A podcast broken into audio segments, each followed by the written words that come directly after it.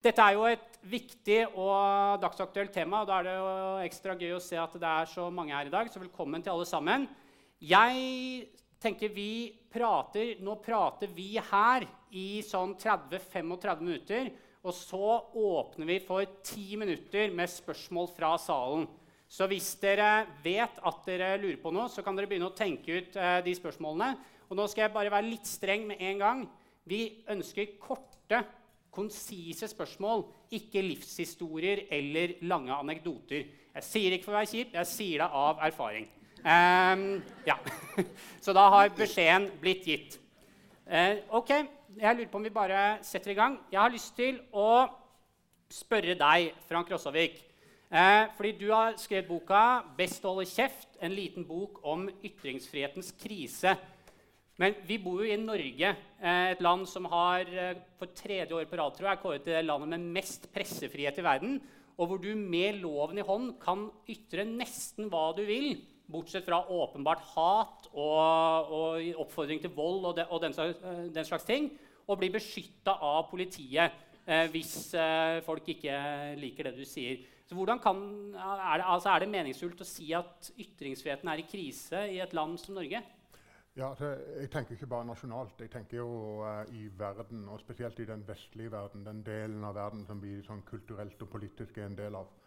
Uh, og hva består krisen av? Den består av flere ting. Én uh, ting er at vi har da politiske ledere som ikke tåler ytringsfrihet fordi de, fordi de føler sin makt undergrava. Og de, de, påstår ofte at ytringer er et angrep på nasjonen eller religionen som et substitutt for det, det de egentlig mener er deres egen makt.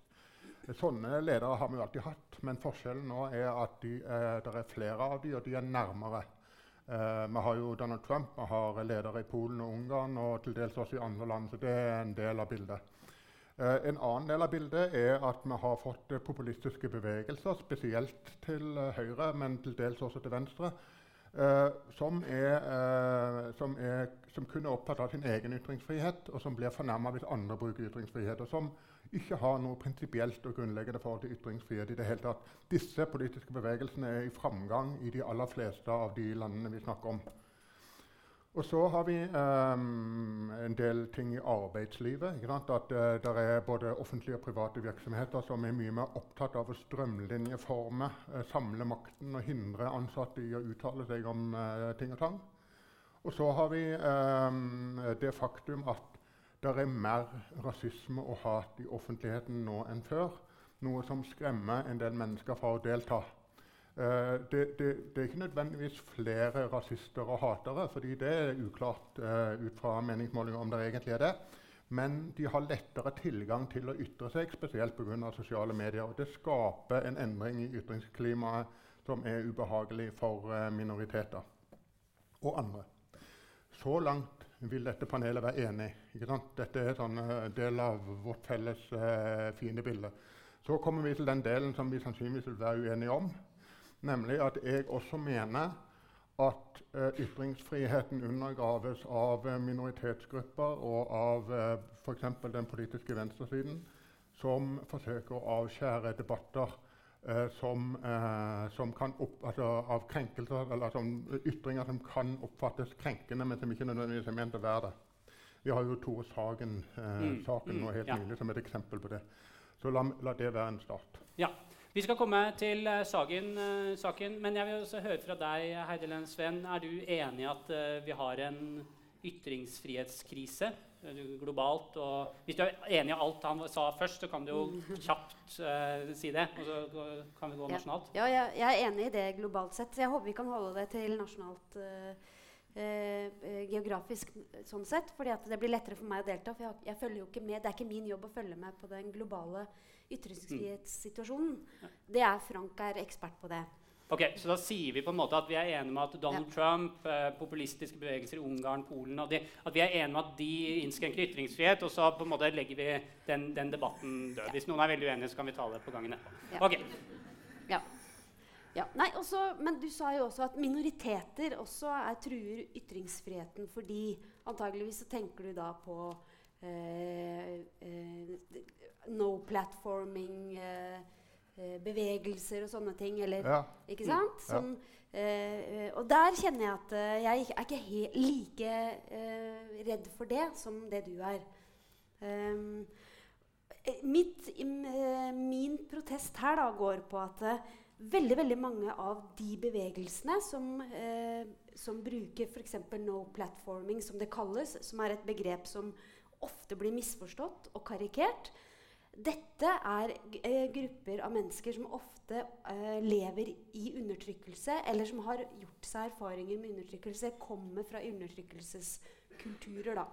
Sånn at det, det som blir borte når, man, eh, når du bruker det som et slags eh, skjellsord, på en måte eller, eller, eh, eh, Det kan fort bli sånn at når man sier at ja, dette er no platforming, det de driver med her, det er veldig truende for ytringsfriheten, det må vi slå ned på. Jeg tenker at eh, det, eh, eh, i den krigen som, som oppstår der, så glemmer man at det faktisk er reelle trusler for den minoriteten som protesterer. Det syns jeg kanskje ofte at det som det, Hvis du er en slags ytringsfrihetens fotsoldat eh, Eller i dette tilfellet vil jeg kanskje tenke på deg som en forvalter. Altså Nå er du Nav, og så er jeg brukeren.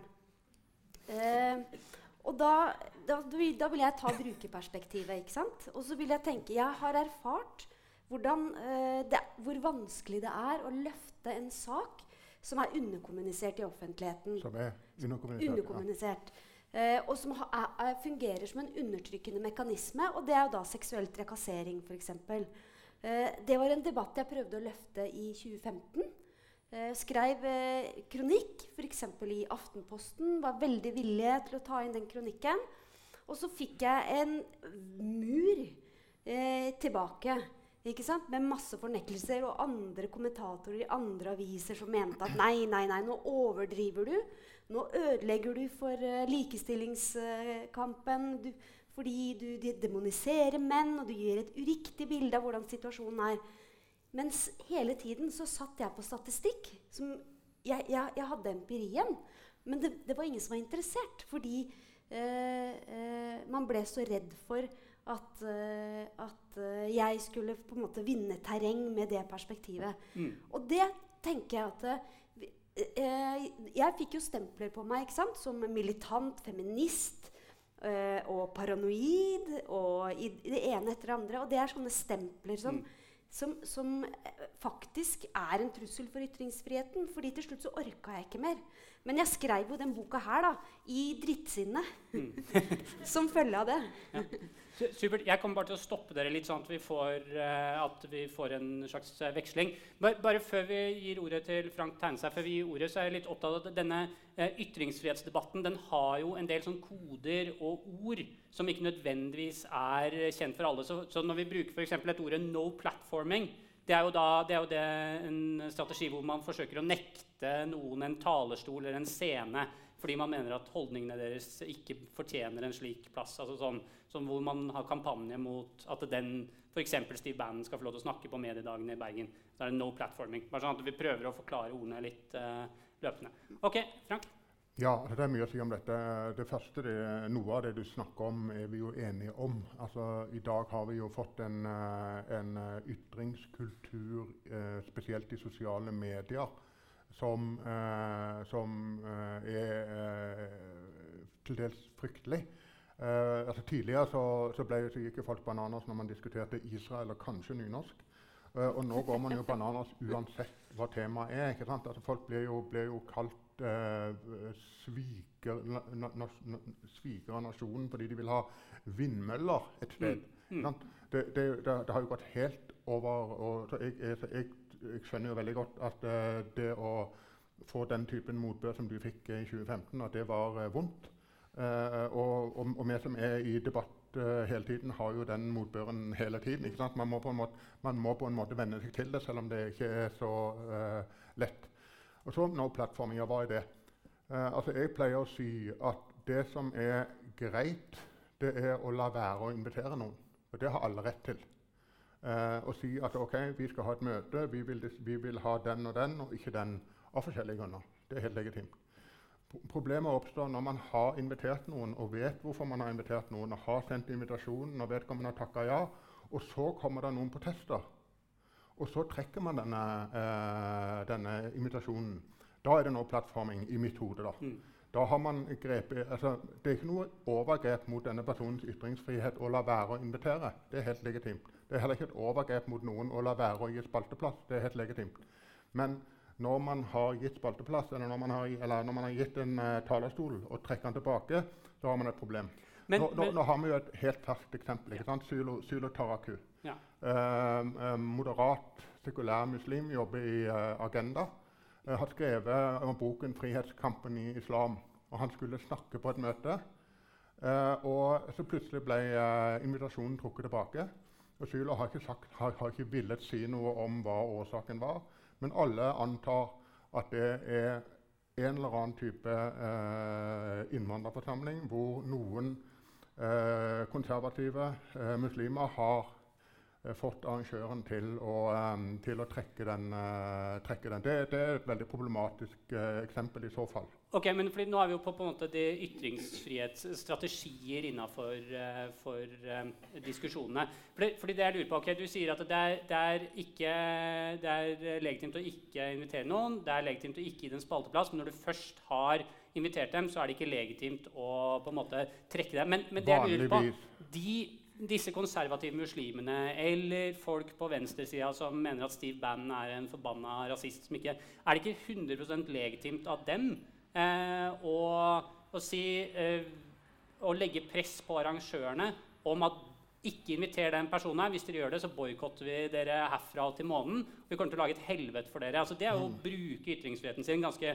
aktivt. Det, det, det, det, mener jeg at det er. At det er ikke noe galt at studenter f.eks. ser at en eller annen uh, langt ute på høyresiden som de ikke liker, har fått en, uh, en, talerstol på et universitet, og protesterer mot det.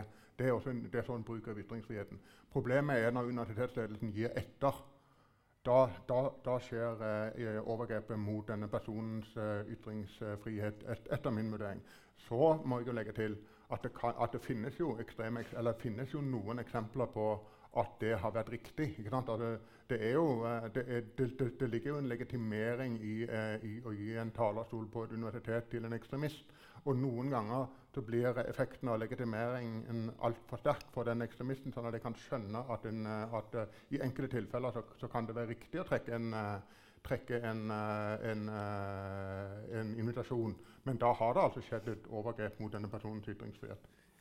Nå skal jeg eh, trekke et litt søkt eksempel. Du vil ikke like det. Men eh, eh, du har jo i sin tid støtta Nina Kari Monsens eh, ja, Det snakker jeg gjerne om. Ja, Kom igjen. Ja, ikke sant? Eh, eh, hennes utrettelige kamp for å hindre homofile i å gifte seg i kirken. Det er jo en form for pla no platforming som hun tar uh, utgangspunkt i der. Hun, det, hun, vil jo ikke at uh, homofile skal få gifte seg i kirken. ikke sant? Likekjønnet ekteskap er det hun er imot. Ja. Og du, syns, og du har eh, henne, vært, støttet henne med en ytringsfrihetspris for å stå i den kampen. Eh, og det, er, det, hun forsøker seg på, er jo en no-platforming av homser i, i, til å bli via i kirken. Jo, det er jo det. Hun vil jo hindre, hindre de å komme, at vielsen skal skje i kirkens regi. Ikke sant? Og da tenker jeg, Ja, jeg veit at du ikke liker det eksempelet. Men jeg syns, jeg syns det sier noe om hadde du støtta henne også hvis hen, hun hadde fått gjennomslag faktisk for, for sin argumentasjon, og at, det, at, Kirken gikk tilbake og sa at nei, ja, nei vi, vi, vil fortsette vi nekter homofile å gifte seg i Kirken. Disse argumentene kjøper vi. Altså, ja, jeg vet ikke hvor jeg skal begynne. Altså, for det første så gjaldt dette Fritt Ords pris i 2009. Da var ikke jeg medlem av styret i Fritt Ord. så det var ikke jeg som var med på å gi denne prisen. Nei, nei, Men du har støtta eh, men, uh, men, det er greit. Så, uh, men jeg støtta den offentlig. Og, og, og selv, selv, om jeg er homofil og, og, levde i partnerskap på det tidspunktet, og jeg fikk mye kjeft fra andre homofile. men hvorfor støtta jeg den? Jo, fordi hun eh, fremma et konservativt, velbegrunna, gjennomarbeida Eh, argumentasjon for at homofile ikke burde få, eh, få, seg, og i hvert fall ikke adoptere barn. Det var jeg helt uenig i.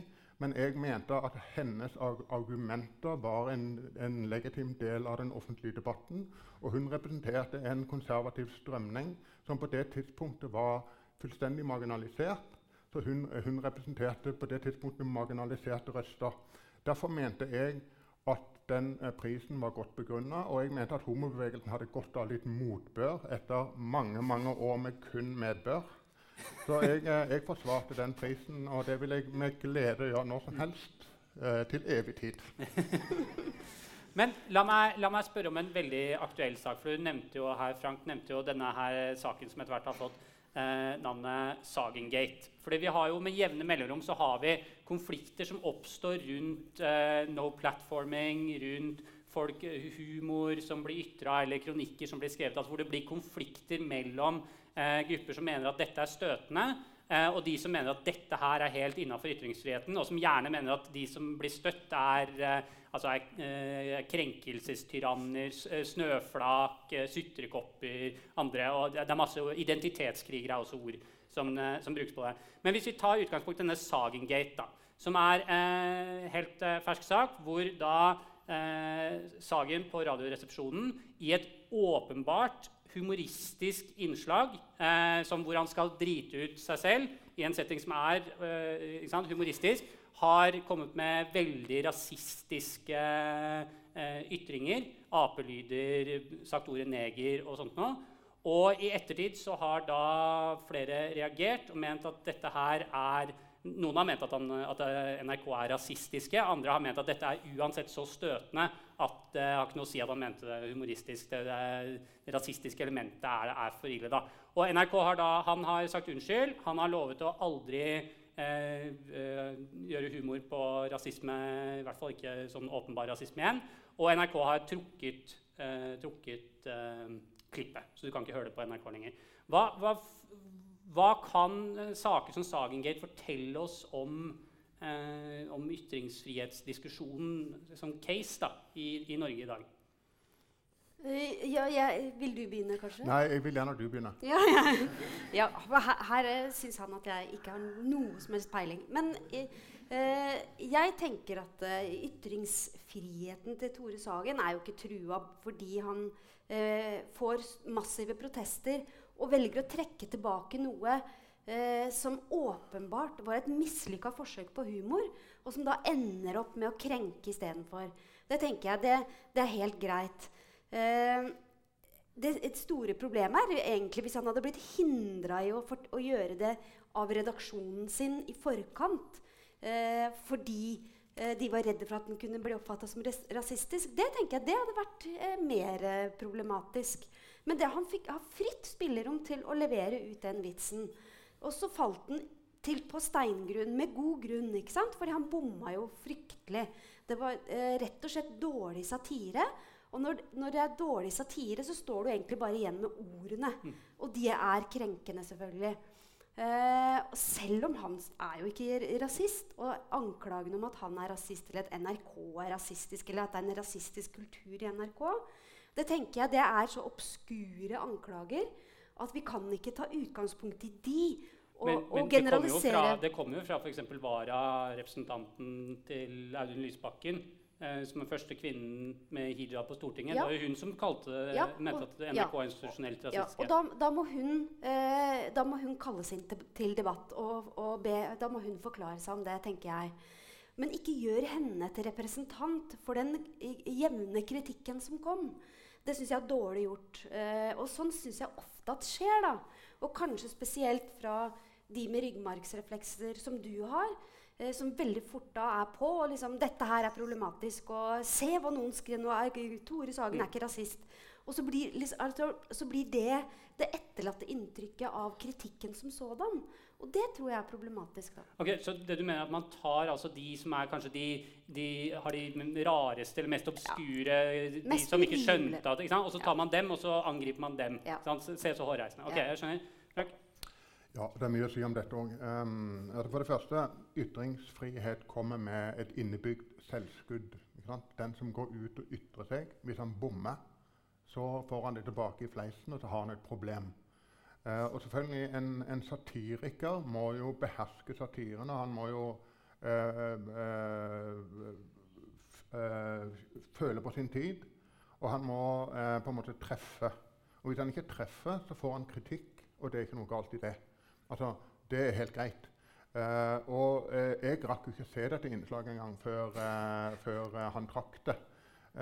men, men det, det, som er, det, som er, litt viktig altså sånn, det, som, det, som, var problemet, det var jo at litt at han følte seg så hardt pressa at han begikk den selvsensuren det er å trekke tilbake innslaget. Han, han burde latt det ligge. Men jeg skjønner at det massive presset som han fikk,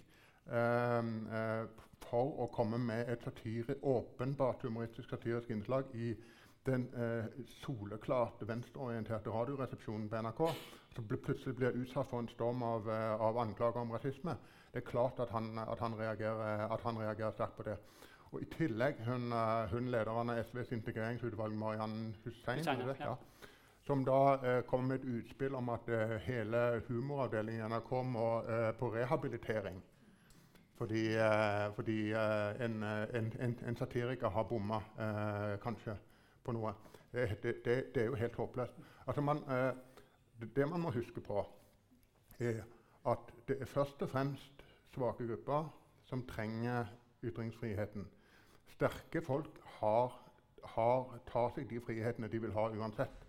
Ytringsfriheten er jævlig viktig for, for, for folk som er svake, og for folk som vil angripe makt. Sånn som Tore Sagen ønsker å gjøre, an, eh, og kanskje mislyktes med å angripe, angripe makthavende rasister.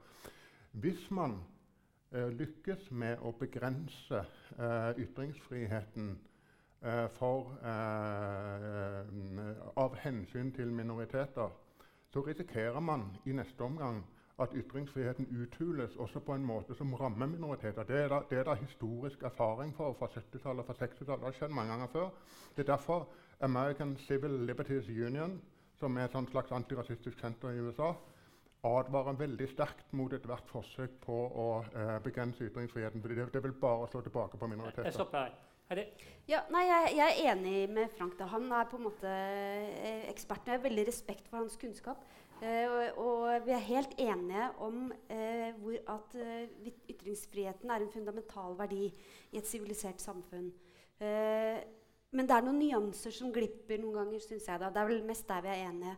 Og jeg tenker at eh, Er det noen som har ytringsfrihet i Norge, så må det jo være folk med fast tilgang til mikrofoner. altså, og i NRK til og med. Sånn at Tore Sagen tenker jeg, i denne posisjonen er den sterke. Og, og de, de, han angriper, er jo selvfølgelig rasister. Jeg skjønte at det var det han gjorde, og jeg tror veldig mange skjønte at det var det han gjorde. Eh, og når, han, når, vitsen faller på steingrunn fordi den er fryktelig, fryktelig dårlig, så tenker jeg at jeg skjønner godt at han vil trekke den tilbake. Jeg har også skrevet avisinnlegg som var så dårlig formulert Eh, og reaksjonene har også speila det, kan du si. Eh, og jeg sover dårlig om natta. og Skulle tenke åh, tenk, den skulle gjerne kunne trukket tilbake. du. Eh, men det går ikke, da. Jeg, har ikke, jeg som eh, enkeltstående eh, ytrer, jeg har ikke den makten til å gjøre det. Jeg kan ikke ringe Aftenposten og si du, kan dere fjerne den eh, kronikken min. Jeg, jeg, skjønner, men det, det er jo noen um anklager eh, som det er veldig tenker jeg, i samfunnet i dag, som det er veldig belastende å ha på seg, enten du er Tore Sagen eller du er eh, hvem som helst andre. Da. Og Tore Sagen er jo i en posisjon til å, hvis han blir anklaget for f.eks. Ja, en, en, av de tingene da, som jeg tenker er belastende, er jo rasisme eller pedofili.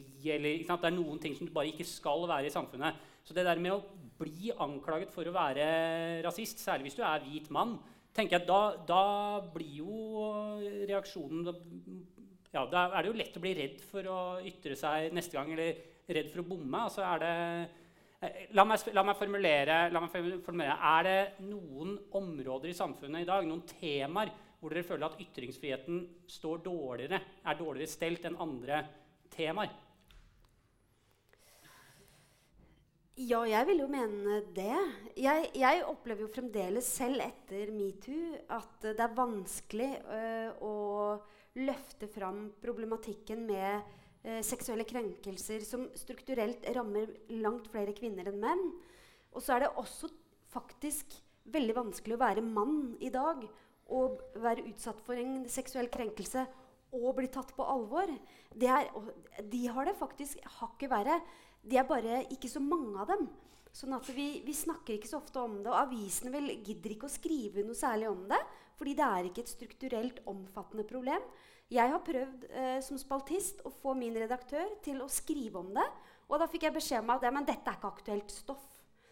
Eh, og det, det, tenker jeg at det, det, da, for, I Attpåtil får jeg kjeft nesten daglig at jeg som feminist ikke snakker menn sine sak.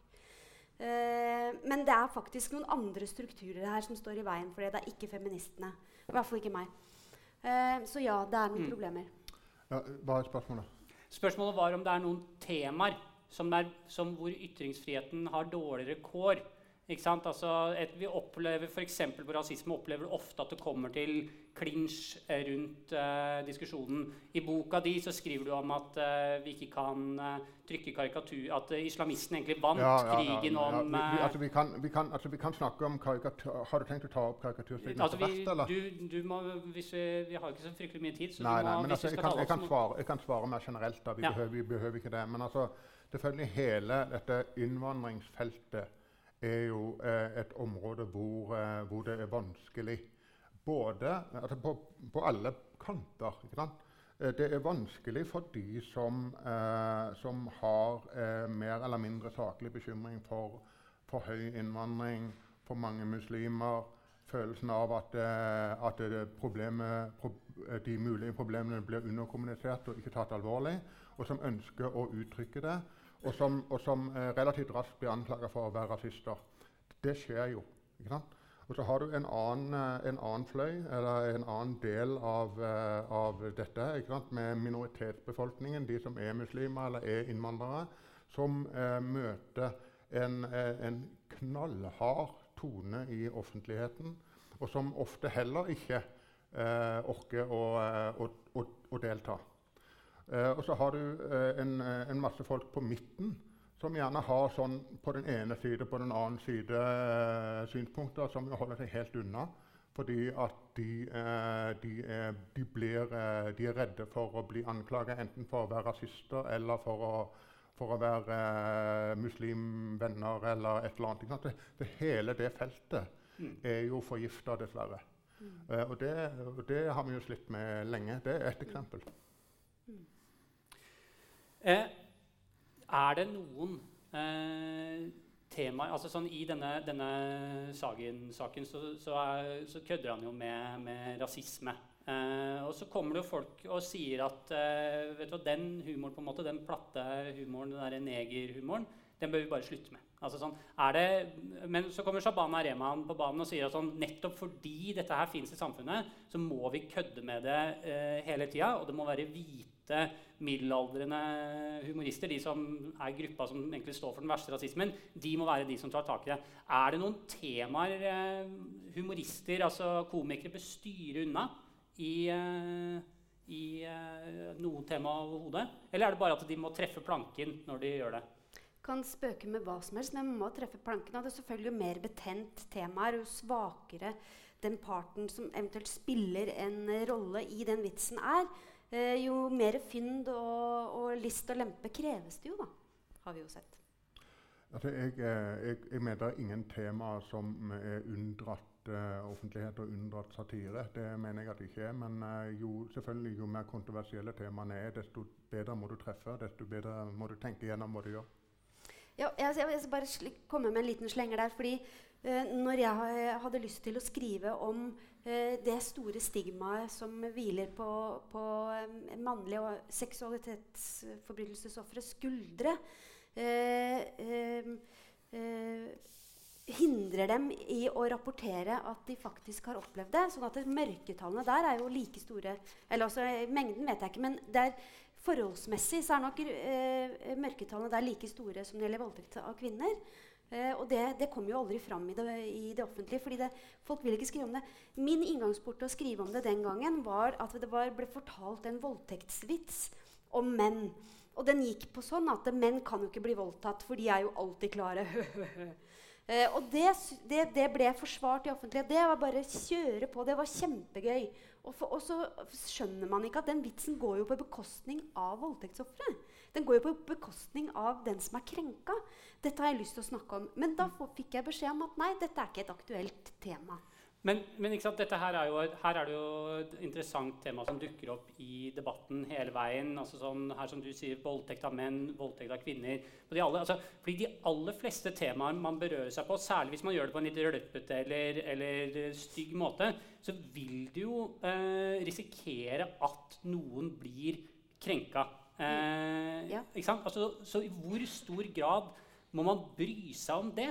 Altså, sånn, fordi at det, det, folk folk jo, har jo forskjellige rammer. Og sånt. Og da kan du også, Oppfølgingsspørsmål der kan du også En av påstandene, påstandene vi ofte får høre, er at vi, at vi, er mer krenkbare nå. At vi lever i et sånn, krenke, krenkorama-samfunn. Så kan du legge til en liten en om, om, det stemmer at vi er mer krenkbare nå enn, enn vi var før. Aldri, jeg vet ikke akkurat hvor man satte hvor før er, altså, besteforeldrene våre eller foreldra våre, men altså, sånn, har vi blitt mer krenkbare? Altså, jeg, jeg, tror ikke det er noe tvil om det. Altså, det, er jo, det, er jo, bare å lete opp bruken av ordet krenkelse og fornærmelse og hån i, uh, sånne søkebaser. og ser, du, du, ser det blir, blir, brukt mye mer de 15 siste årene enn en, en i alle tidligere år til sammen.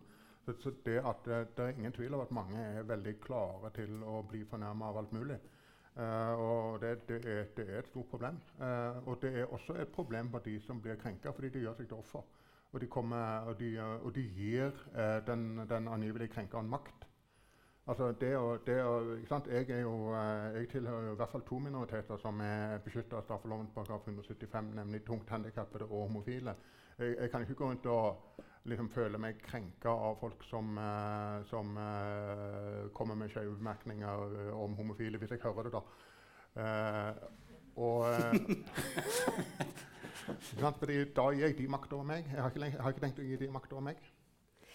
Ja, nei, jeg, jeg, skulle ønske du ikke var så bastant på det. For, det, for det, vet du, det har du ikke noen empiri på egentlig. Du har ikke empirisk dekning for å si det. Det som har skjedd de 10-15 årene som du beskriver og mener å ha sett en endring, det er at vi har fått sosiale medier. Plutselig har alle fått en kanal inn i offentligheten. Og hva skjer da? Jo, da får vi i mye større grad vite hva folk egentlig tenker og føler. Eh, terskelen var mye høyere før.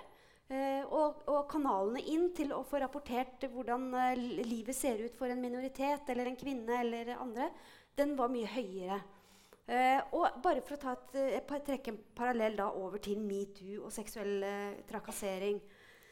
En av de tingene som gjorde at det var fryktelig vanskelig å komme til orde med det før metoo, var jo nettopp fordi kvinner som, eller feminister som meg ble møtt med 'Herregud, så hårsåre dere er'. Dette er jo bare flørting. Nei, nå er, det, er dere snøflak hele gjengen. Er damer, Liker damer å være ofre, eller? Ikke sant? Vi elsker, dyrker offerrollen. Så akkurat den samme eh, responsen som du kommer med her, er den jeg møtte i 2015 og åra før. Eh, nå har det heldigvis snudd litt, men det henger masse igjen. Fremdeles er det sånn at man blir sett på som et eh, altså, Vi har en veldig dårlig offerforståelse for eksempel, her, her i landet hvis du er et offer, et ekte offer, da er du per definisjon svak, eh, hjelpeløs eh, og litt patetisk. Eh, og de som ikke er svake, hjelpeløse og patetiske, de kan jo ikke være ofre. Det er en veldig unyansert uh, idé og fremstilling av hva det er å være et offer. Å, å være et offer er egentlig bare, uh, i, i, i, den enkleste forstand, at du er utsatt for noe av noen, altså, eh, det man beskriver, er en handling noen andre har gjort mot deg. Mm. Og, ja. Jeg bare stopper deg der, for Dere skal få en kort kommentar til dette her hver før vi slipper til for et par spørsmål fra salen. Hvis det er noen som vet at de har spørsmål, så bare sleng opp en hånd eh, med en gang nå. Akkurat nå. Ingen, ok, Vi prøver igjen eh, om to kommentarer. og Hvis dere ikke har spørsmål da, så skal dere bare få lov til å fortsette å, å snakke. Ja, ja, for det første, Når jeg snakker om en eh, økt forekomst av disse ordene, så tenkte jeg på sosiale medier. Jeg, jeg, søkte i Retriva-databasen, som omfatter etablerte medier ikke sosiale medier. Men ellers så har jo du selvfølgelig rett altså i at det, det fins reelle ofre. Eh, det fins folk som også blir ofre for eh, ubetenksomme eller eh, ondsinnede ytringer. Det har det alltid gjort. Eh, men, eh, men eh, det jeg mener, er at det er en, eh, der er en, eh, en økende tilbøyelighet til å ikke bare være uenighet eller, eller fornærma eller, eller uh, lei seg eller protestere, men i tillegg påberope seg krenkelse og forlange samfunnets aksjon for å uh, spare uh, folk for en krenkelse. Det, det, det skal man reservere for de virkelig alvorlige tilfellene, som også finnes. Ja, det er jo akkurat det kvinner har fått høre med seksuell trakassering. At ja, men herregud, en hånd på låret, det er vel ikke et reelt overgrep. Ikke sant? Og når du ser på de varslene som har kommet i Giske-saken f.eks., så er det eh, faktisk en av de varslene handler om en hånd på et lår. Eh, poenget er at hun ble ikke et offer. Ikke på, jeg har snakket med henne, hun ser ikke på seg selv som et offer. Hun føler det fryktelig irriterende at noen kaller henne et offer, fordi den eh, kategorien hun blir pressa inn i da, er fryktelig smal. Eh, og eh, det som er greia, er at det, det er en makt For, for det første eh, det, det, eh, Seksuell trakassering er en utøvelse av makt. Du trenger ikke engang å ha masse makt for at det skal fungere som et maktgrep. Fordi det setter noen ut i en situasjon. Du blir satt ut. Men uh, jeg får heller skrive Men altså, en artikkel om det. Seksuell, altså, seksuell trakassering er jo fysisk. Vi snakker om ytringer her. Mm. Jeg, eh, selvfølgelig er fysisk overgrep Seksuell trakassering ja. gjelder også ytringer. Ja. Ja. ja. Kommentarer på kropp og seksualitet. Og sånn. Skal vi se. Uh, da har, ser jeg ett spørsmål. Er det noen, vi tar alle som har spørsmål, må rekke opp hånda nå, sånn at vi, vi, vet hva vi har å forholde oss til. Ok, Da har vi fått ett spørsmål fra bak salen her. Har vi en mikrofon? du må sannsynligvis gjenta det. Jeg skal også snakke høyt, fordi at Frank hører ikke så godt, men jeg kan jeg gjenta det hvis det blir for uh, ja. Jeg jeg. Uh, jeg, jeg, jeg, er veldig interessant å høre på dere. Uh, jeg heter Åge Borchgrevink. I denne sammenheng så Jeg jobber i Helsingforskomiteen, som er en menneskerettighetsgruppe. og har jobbet også en del med sånn ytringsfrihetsproblematikk i norsk termer. blant annet. Men jeg, jeg, jeg, lurer på én ting, og det er om ikke det reelle problemet kanskje er mer selvsensur enn ytringsfrihet. Jeg bare eh, har lyst til å komme med ett eksempel på det. Og særlig til dere som er mediefolk, tenker jeg at det eh, er relevant å spørre om det. Eh, for noen år siden så skrev jeg en bok om 22. Eh, juli. Eh, som bare gjorde et forsøk på å prøve å forklare noe av bakgrunnen for det gjennom å lage en sånn psykiatrisk profil på Anders Behring Breivik. Og for å gjøre det så måtte jeg bruke en del eh, dokumenter og eh, vitner som ikke eh, fikk eh, eh, Altså, dette var noe avisene visste om, men som ikke, de ikke ville skrive om. Uh, og da havnet jeg i en sånn merkelig situasjon, fordi da boka mi ble lansert, så kom det liksom på forsiden av VG at det er en kjempeviktig, eller altså kjempekontroversiell bok, men vi kan ikke si hva det handler om. Um, og uh, Senere så hadde jeg en debatt med en del redaktører og redaksjoner i Norge hvor jeg sa at liksom, men, men sett at eh, stemmer det jeg sier, at på en måte det er viktig å vite en del om bakgrunnen og den liksom sånn psykologiske og psykiatriske utviklingen til Breivik for å forstå hva som skjedde 22.07. Har ikke dere sviktet oppgaven deres da, når dere ikke vil skrive om disse tingene? De hadde gode grunner, eh, bl.a. PFU og hens hensynet til personvern, særlig da Anders Behring Breiviks mor og hans families uh, situasjon, så jeg skjønner jo det. Men på en måte den selvsensuren lurte jeg på akkurat den situasjonen der. I hvor stor grad er selvsensur et uh, problem uh, kontra altså, Er ikke problemet heller at folk legger bånd på seg, og medier lar være å skrive om ting, enn at man blir nekta å skrive om ting? Var det Jeg prøver å oppsummere for, for Frank her. sånn, så, sånn cirka. Ja.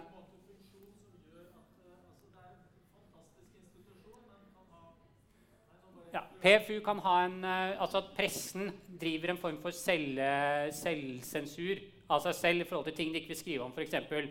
Breiviks mor og, og, sånne ting, som gjør at folk ikke får all den informasjonen de vil ha. Var du, Heidi, du hørte spørsmålet. Vil du starte? Ja, eh, ja, ja. Du har klart å svare. Svar. Ja, altså, Jeg hørte du snakke om din bok om 22. juni, som for øvrig er veldig god. Den kan jeg anbefale.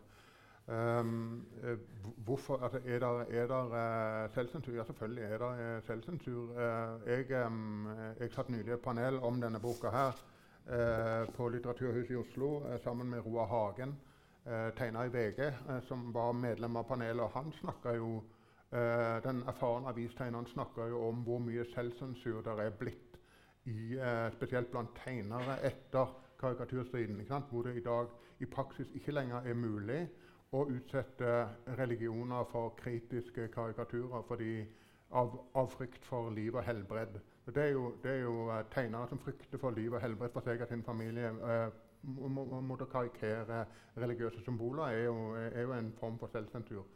Uh, og det er klart at det er jo, det er jo sikkert i, i Breivik-saken så er det sikkert eh, områder som eh, man eh, lar være å gå inn i fordi, eh, fordi eh, det å gjøre det ville, ville vekke for sterke reaksjoner.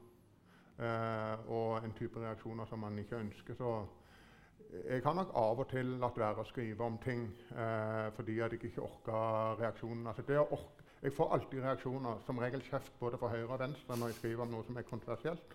Og, og, hvis jeg er i god form, så er jeg klar for det. Men hvis jeg er i litt dårlig form, så tenker jeg jeg skriver heller om noe annet. Hmm. Jeg orker ikke kjeft denne uken. Selvsensur, Heidi, er det en uh, utfordring? Nei, ja, uh, ja, ja, det er det selvfølgelig. Uh, i, jeg deltar jo også i, i innvandrings- og integreringsdebattene. Eller ikke, ikke, i spaltene, for det tør jeg rett og slett ikke. Men fordi jeg har mer enn nok med, med feministiske perspektivet å ta det, og får mye bank for det.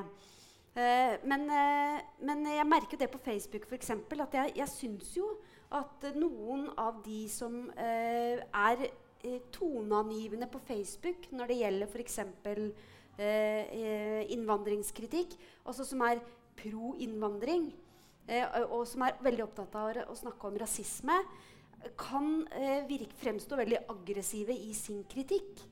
det er jeg helt enig i. De trådene holder jeg meg sjøl unna, selv om jeg i sak er enig med de personene. Så ja, sånn, sånt finnes. Så jeg også selvsensurerer. Men det har jeg gjort fra dag én uansett. Og det bør man jo også gjøre. Det er mange gode grunner til å selvsensurere. Så ja.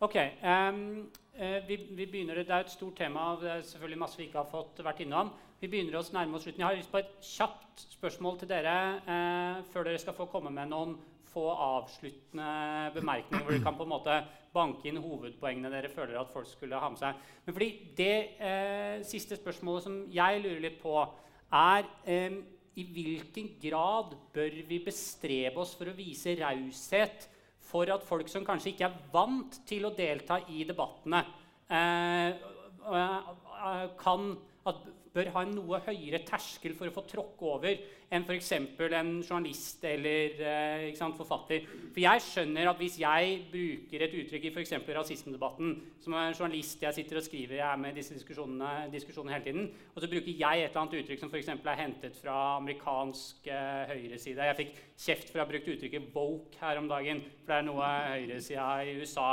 bruker. Eksempel. og da er det greit, da kan jeg ta det. men folk som ikke er vant til å være med i disse debattene. Plutselig så tråkker de over. ikke sant?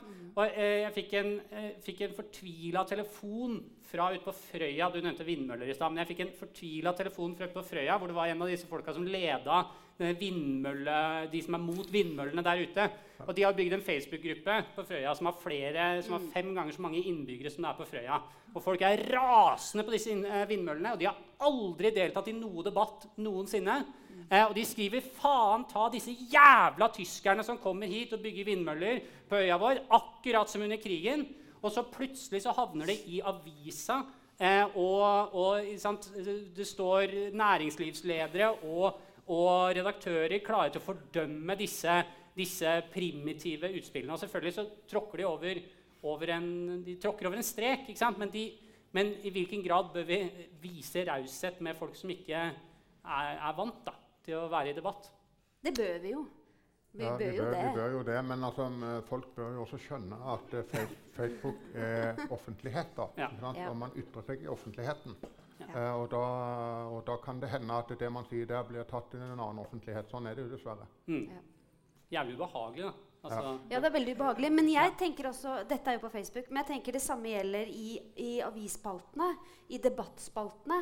Der skulle jeg ønske at, at redaksjonene brukte litt mer tid eh, på nye stemmer til å hjelpe dem litt. Eh, F.eks. å forutsi eh, hva som kan bli en reaksjon på en bestemt formulering. For, for du skriver jo sjøl i din bok at du er så godt trent at du vet godt hvordan du kan skrive om kontroversielle Ja. temaer uten å bli tatt Ja. av noen. ikke sant? Ja. Den kompetansen må, må dere i redaksjonen overføre til nye stemmer. For det er, Ja. Det er, det er tøft også, å få en sånn midt i fleisen når du egentlig kunne blitt Men det, det tror jeg debattredaksjonen for en stor del gjør. Nja. Jeg er litt usikker. Jeg sitter ikke på debatt. så jeg bare- Men um, OK. Uh, dette har vært strålende. Helt til slutt, Dere skal få halvannet minutt hver til å si ett minutt. da. Ett minutt hver til å si hva dere tenker er de viktigste tinga folk bør ha med seg fra, fra ytringsfrihetsdebatten på Sakprosafestivalen i Trondheim. Ja.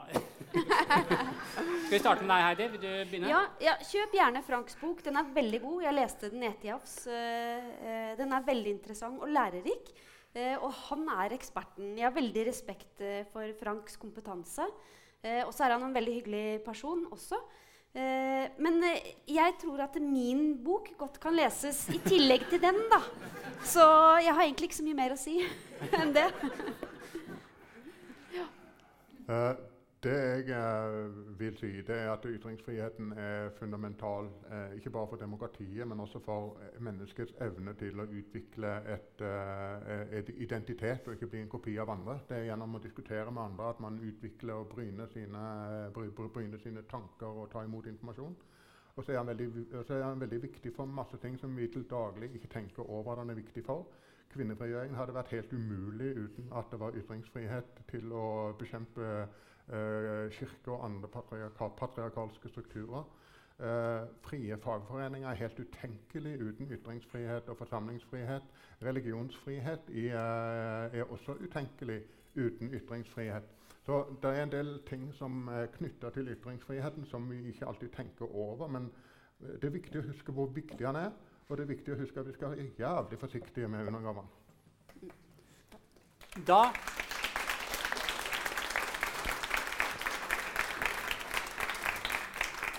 Da sier jeg tusen takk til panelet, tusen takk til publikum, eh, alle, alle som kom, og tusen takk til arrangørene.